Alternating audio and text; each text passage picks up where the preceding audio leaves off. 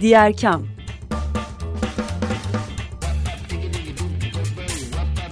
Sosyal fayda dünyasından fikirler, tartışmalar, haberler.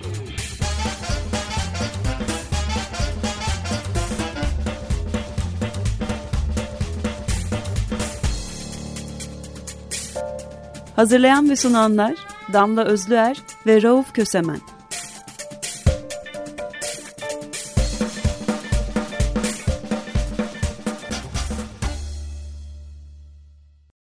Diğer Kam'dan herkese merhaba. Bugün 24 Ocak Salı. Diğer Kam'dasınız. Saat 16.30 Açık Radyo'dayız 95.0'da. Program ortağım Damla Özler bugün aramızda yok. Ben yalnız sunacağım ve sosyal fayda dünyasından çeşitli haberleri sizlerle paylaşacağım. İlk haberimiz bir hibe programı başvurularının başlaması. Sabancı Vakfı hibe programı başvuruları başladı. Kadın, genç ve engellilerin eşit fırsatlara sahip olmalarını ve topluma aktif katılımlarını destekliyor Sabancı Vakfı. Sivil toplum kuruluşlarının eğitim alanında uygulayacağı projeleri bekliyor. Bu kapsamda e, verilecek hibeler için online başvurular 2 Ocak'ta başladı. 8 Şubat 2023'te saat 17'de sona erecek. Bugüne kadar 218 projeye hibe vermiş Sabancı Vakfı. 2023 hibe programı çerçevesinde de kadın, genç ve engellilere yönelik nitelikli eğitim, eğitime erişimin ve devamının desteklenmesi, ile hak temelli yaygın eğitim çalışmalarının desteklenmesi başlıkları altında sivil toplum kuruluşlarından gelecek proje başvurularını değerlendirecek.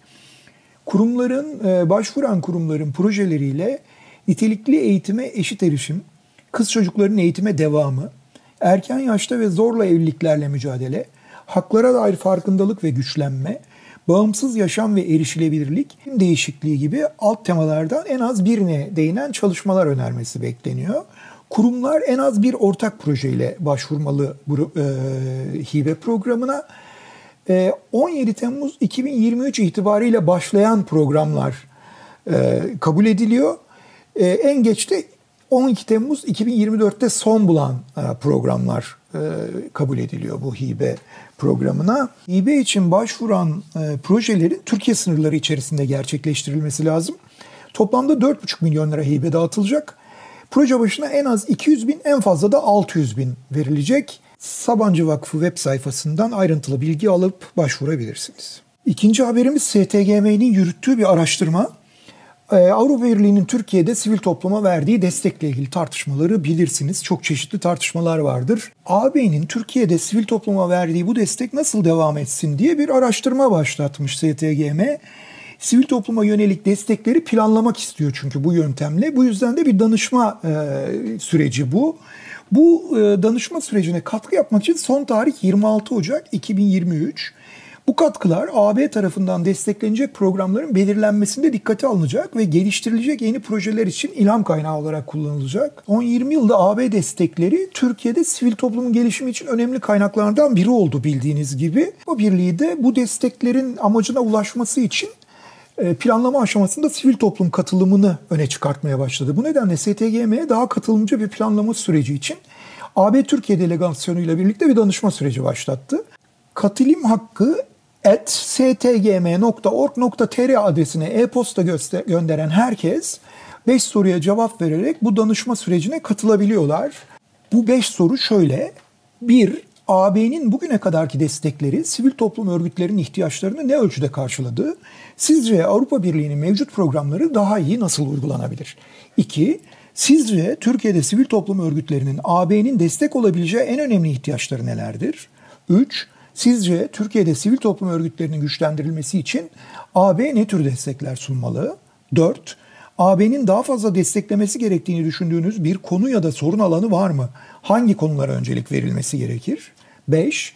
Türkiye-AB ilişkilerine ve AB'nin Türkiye'deki desteklerinin planlama sürecine sivil toplum örgütlerinin daha fazla katkı vermesi için sizce neler yapılabilir? Dediğim gibi STGM'nin web sayfasından ayrıntılı bilgi alabilir, sorulara bakabilirsiniz. Katılım hakkı stgm.org.tr adresine 26 Ocak 2023 tarihine kadar da soruların cevaplarını gönderebilirsiniz. Cinsel Sağlık ve Üreme Sağlığı Hakları Platformu kısa ismi CISU, cinsel sağlık ve üreme sağlığı hak savunuculuğu için hazırladığı eğitim modüllerini ücretsiz olarak erişime açmış. Ee, bir uzaktan öğrenme portalı bu açılan. Cinsel hakların savunuculuğunda kendini geliştirmek isteyen sivil toplum temsilcilerine yönelik tasarlanmış temel eğitim modülleri içeriyor. Türkiye Aile Sağlığı ve Planlaması Vakfı, CİSÜ platformu ve paydaşları tarafından cinsel sağlık ve üreme sağlığı hakları alanındaki içeriklerin verildiği bir portal bu. Eğitimlere ücretsiz olarak erişilebiliyor eğitim modüllerine. Videolar, sunumlar ve destekleyici kaynaklarla hazırlanmış içerikler var burada.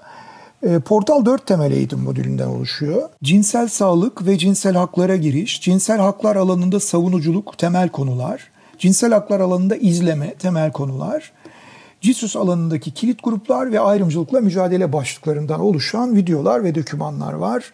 Eğitimlere portal.cisuplatform.org.tr adresinden erişebilirsiniz. Avrupa Birliği hibe programlarından söz etmiştik. Türkiye'de sivil toplum Avrupa Birliği hibe programlarından yararlanıyor. Bunlara yönelik e, proje hazırlama eğitimleri düzenlemiş AB ilan. Ee, Ankara'da yapılacak 11-12 Şubat'ta, İstanbul'da da 25-26 Şubat'ta yapılacak önümüzdeki e, ay içinde. Ee, ücretli bir eğitim bu. Avrupa Birliği'nin açacağı yeni programlardan hibe almak isteyen, kalkınma ajanslarına özellikle sosyal başlıklarda proje yazmayı düşünen, e, yeni iş imkanlarından yararlanmayı tasarlayan gençlere ve profesyonellere yönelik katılımcıların Avrupa Birliği adaylık sürecinde e, AB mali yardımları hakkında bilgilenmelerini, e, AB hibeleri ve kalkınma ajanslarına yönelik proje tekliflerini hazırlama süreçlerine hakim olmalarını sağlamayı amaçlıyor. Eğitim boyunca teorik bilgiler yanı sıra grup çalışmaları da yapılacakmış ve katılımcılara da proje hazırlama mantığı pratik olarak öğretilecekmiş. Eğitim ücreti öğrencilere 2500, diğerlerine 3250 lira olarak belirlenmiş. Daha ayrıntılı bilgi ve başvuru için AB ilan.com'a girip AB hibe programlarına yönelik proje hazırlama eğitimi diye yazarsanız karşınıza çıkacaktır. Toplumdan iki ilan daha var. Sivil Alan Araştırmaları Derneği gönüllülerini arıyor. Sivil Alan Araştırmaları Derneği 2018 yılından beri ifade, toplanma ve örgütlenme özgürlüğü ile birlikte hak savunucularının desteklenmesi ve buna bağlı çeşitli destek mekanizmalarının yaratılması için çalışıyor. Sivil alanın bir parçası olarak gördükleri kampüslerde ifade, toplanma ve örgütlenme özgürlüğünün geliştirilmesi konusunda da çalışmalar yürütüyor. İstanbul'daki ofiste bu dernekte çalışacak gönüllüler arıyorlar, katkı sağlamak isteyenler. E, buraya başvurabilir. Ee, öğrenci aktivizminin desteklenmesine, hak ihlallerinin görünüm kılınmasına dair deneyim edinmek ya da var olan deneyimleri paylaşmak istiyorsanız medya taraması, raporlama, sosyal medya, görünürlük ya da çeviri gibi alanlarda destek olabilecekseniz haftanın belirlediğiniz bir gününü e, Sivil Alan Araştırmaları Derneği ofisinde geçiriyorsunuz ve katkı yapıyorsunuz. CV'nizi info at civicspacestudiesorg mail adresine açıklama kısmına büyük harflerle kod gnl yazarak e, gönderebilirsiniz. Lisans öğrencilerini öncelikle kabul ediyorlar. Gönüllülerin yol ve yemek masraflarını karşılayacaklarını bildirmişler. İki gönüllü alacaklarmış. Başvuru sonuçlarını da e-posta adreslerine geri dönerek bildireceklermiş. Son başvuru tarihi 27 Ocak'ta saat 17'de. Bir gönüllü ilanı haberi daha var. Türkiye Eğitim Gönüllüleri Vakfı gönüllülerini arıyor. 15 yaşından büyük, çocuk sevgisiyle dolu kocaman kalbi olan herkes Türkiye Eğitim Gönüllüleri Vakfı'nda gönüllü olabilir diye çağrı yapmışlar.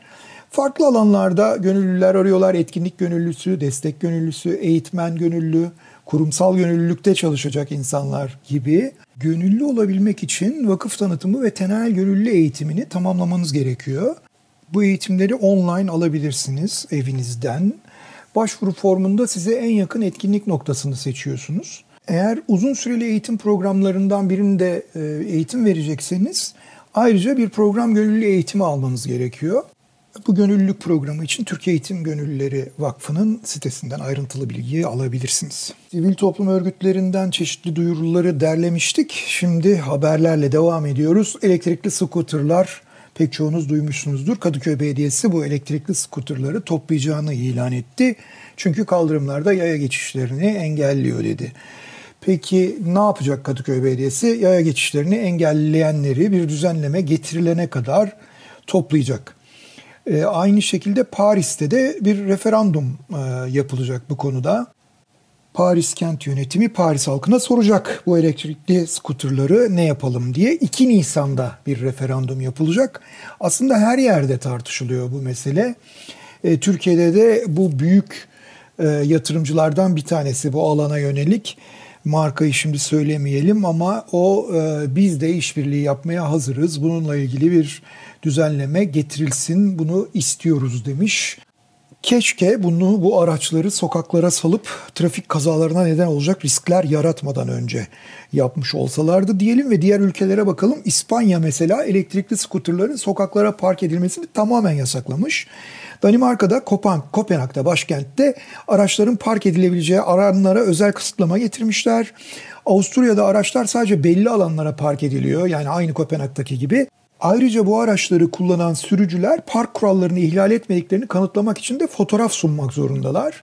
E, referanduma girecek olan Paris'te ise uygunsuz parka zaten bir ceza uygulanıyor. 35 euro bir park cezası alıyorlar.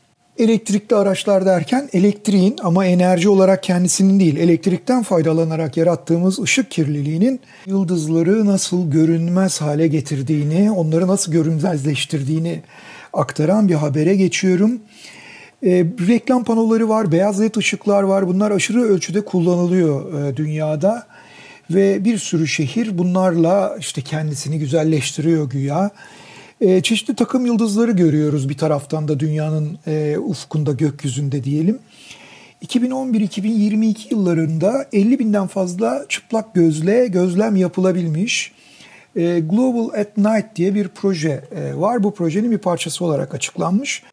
Bir analiz yapmışlar bununla ilgili. Dünyadaki bu ışık kirliliği gökyüzü parlaklığını gittikçe azaltıyormuş.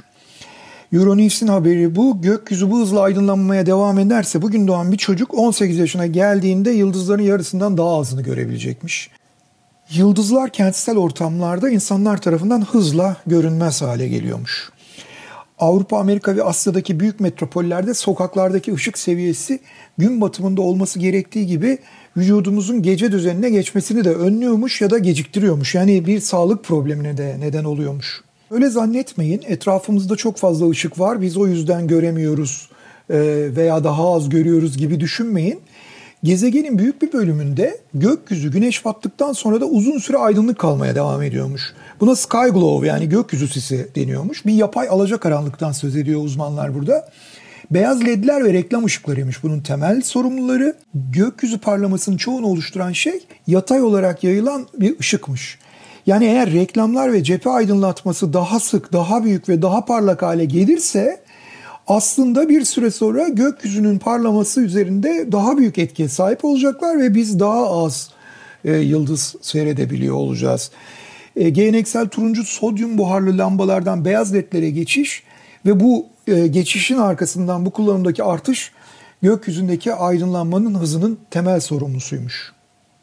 Gökyüzündeki ışıklar ve yıldızların ışıkları azalırken aynı zamanda biz de kendi yıldızlarımızı söndürmekle meşgulüz. Uludağ Milli Park'tır başlığını atmış EQIQ tırnak içinde.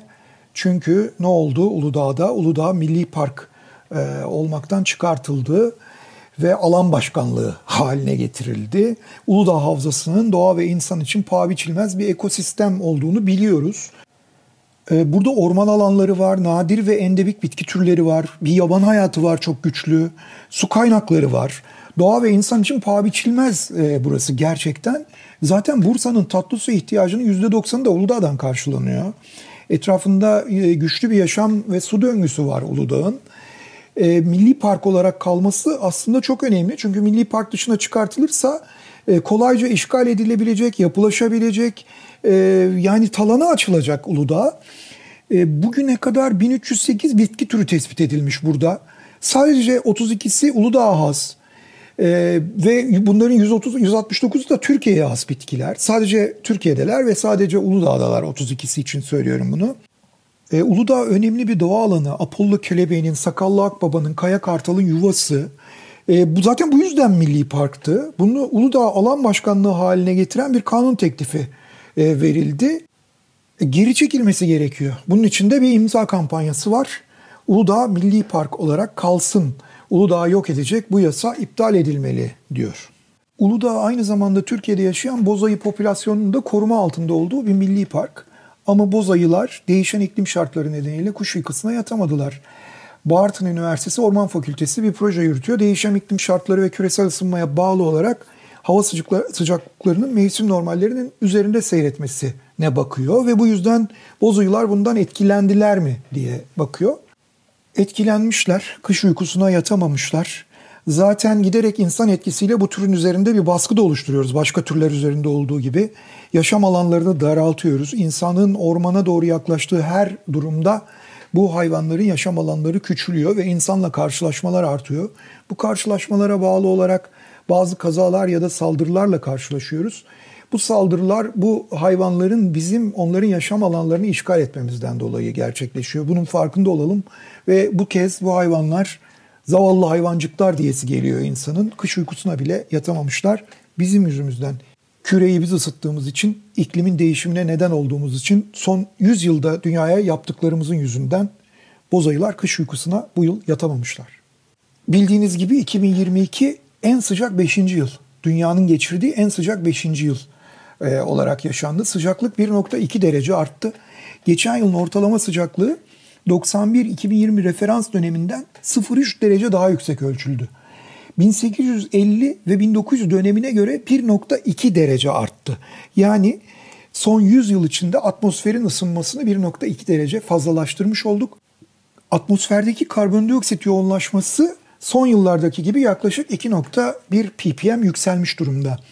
Kuzey kutbunda buzullar eriyor bunu biliyoruz. 2040'a kadar yazları bu buzullar tümden yok olabilir diye bir haber var Yeşil Gazete'nin haberi. Kuzey kutbunun dünyanın geri kalanından daha hızlı ısındığını yıllardır biliyoruz.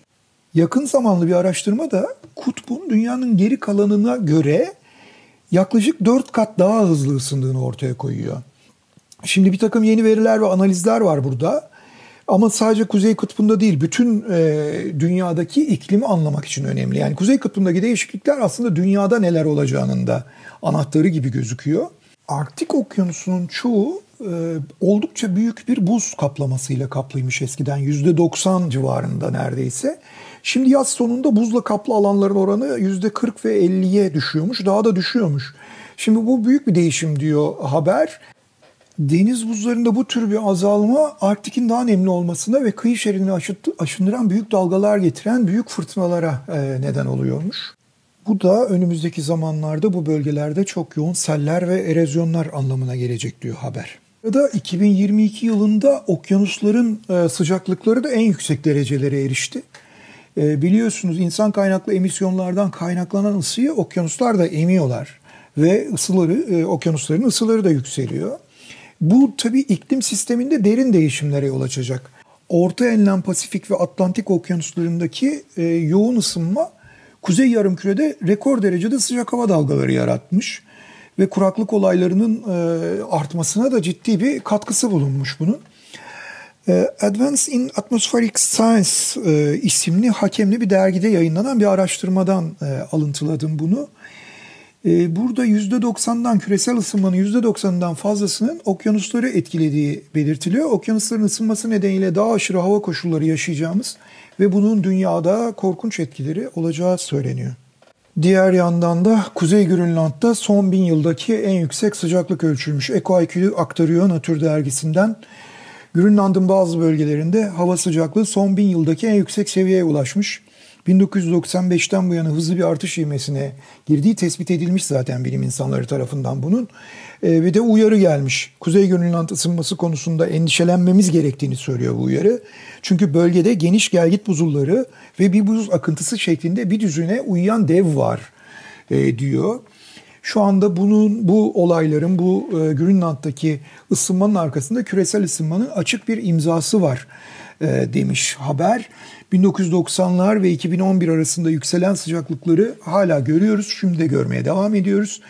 Ve küresel ısınmanın açık imzasını da bunların arkasında görüyoruz diyor.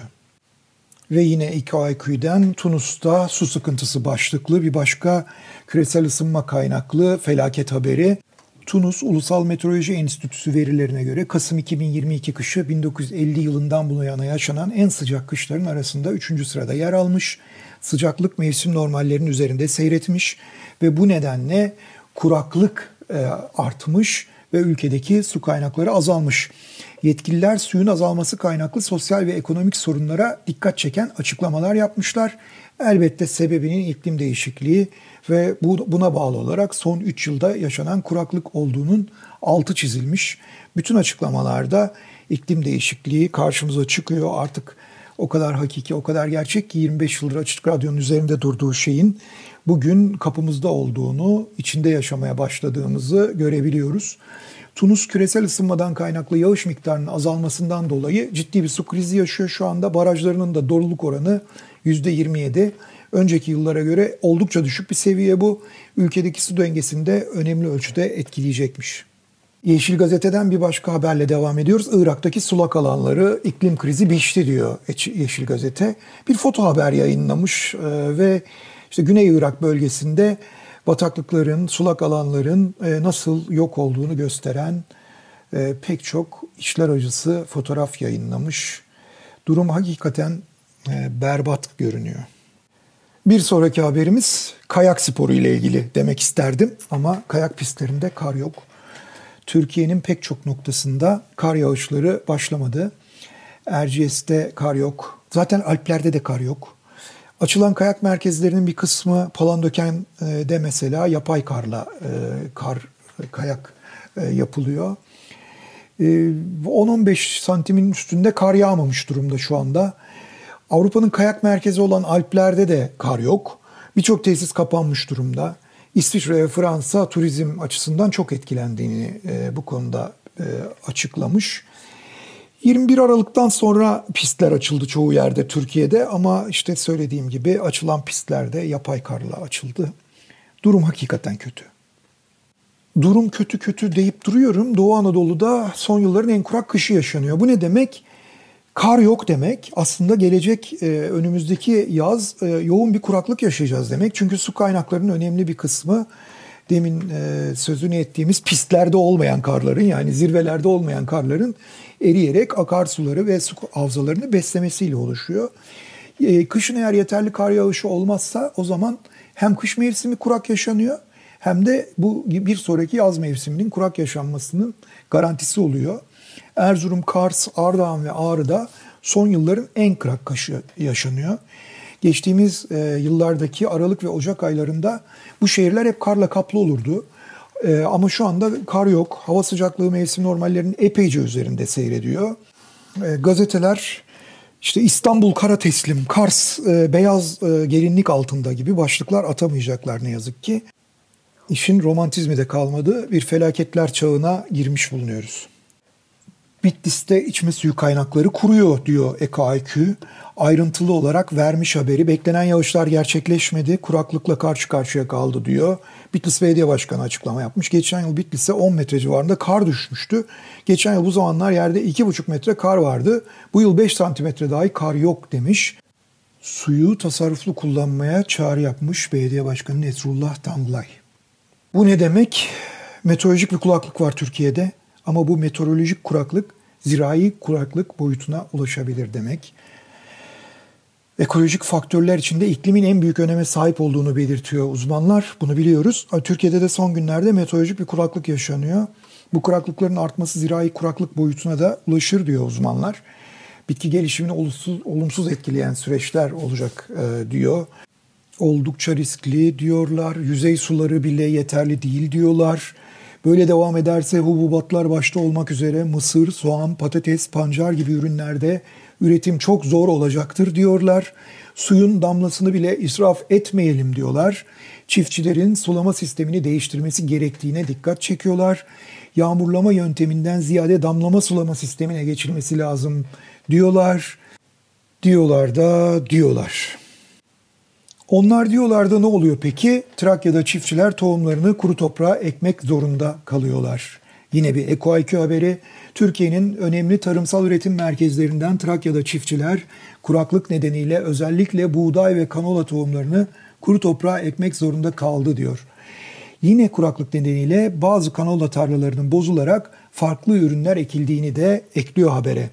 Çiftçilerin tarımsal ürünlerin üzerinde yorgan etkisi yapıyor diye tanımladıkları kar yağışı ürünlerin hem olası don olaylarından korunmasına yarıyor hem de kar suyunun toprağa karışıp bitkiyi yavaş yavaş sulayarak onun gelişimini kolaylaştırıyor.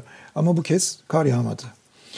Ee, dolayısıyla e, Evet, ne diyelim? Bu kez kar yağmadı. Kar yağmadı. İklim krizi dört nala üzerimizden geçiyor. Süremizin sonuna geldik. Diğer kamdaydık. Açık Radyo 95'te. Ben Rauf Kösemen. Hoşçakalın diyoruz. Gelecek hafta aynı saatte görüşmek üzere. Salı günü 16.30'da.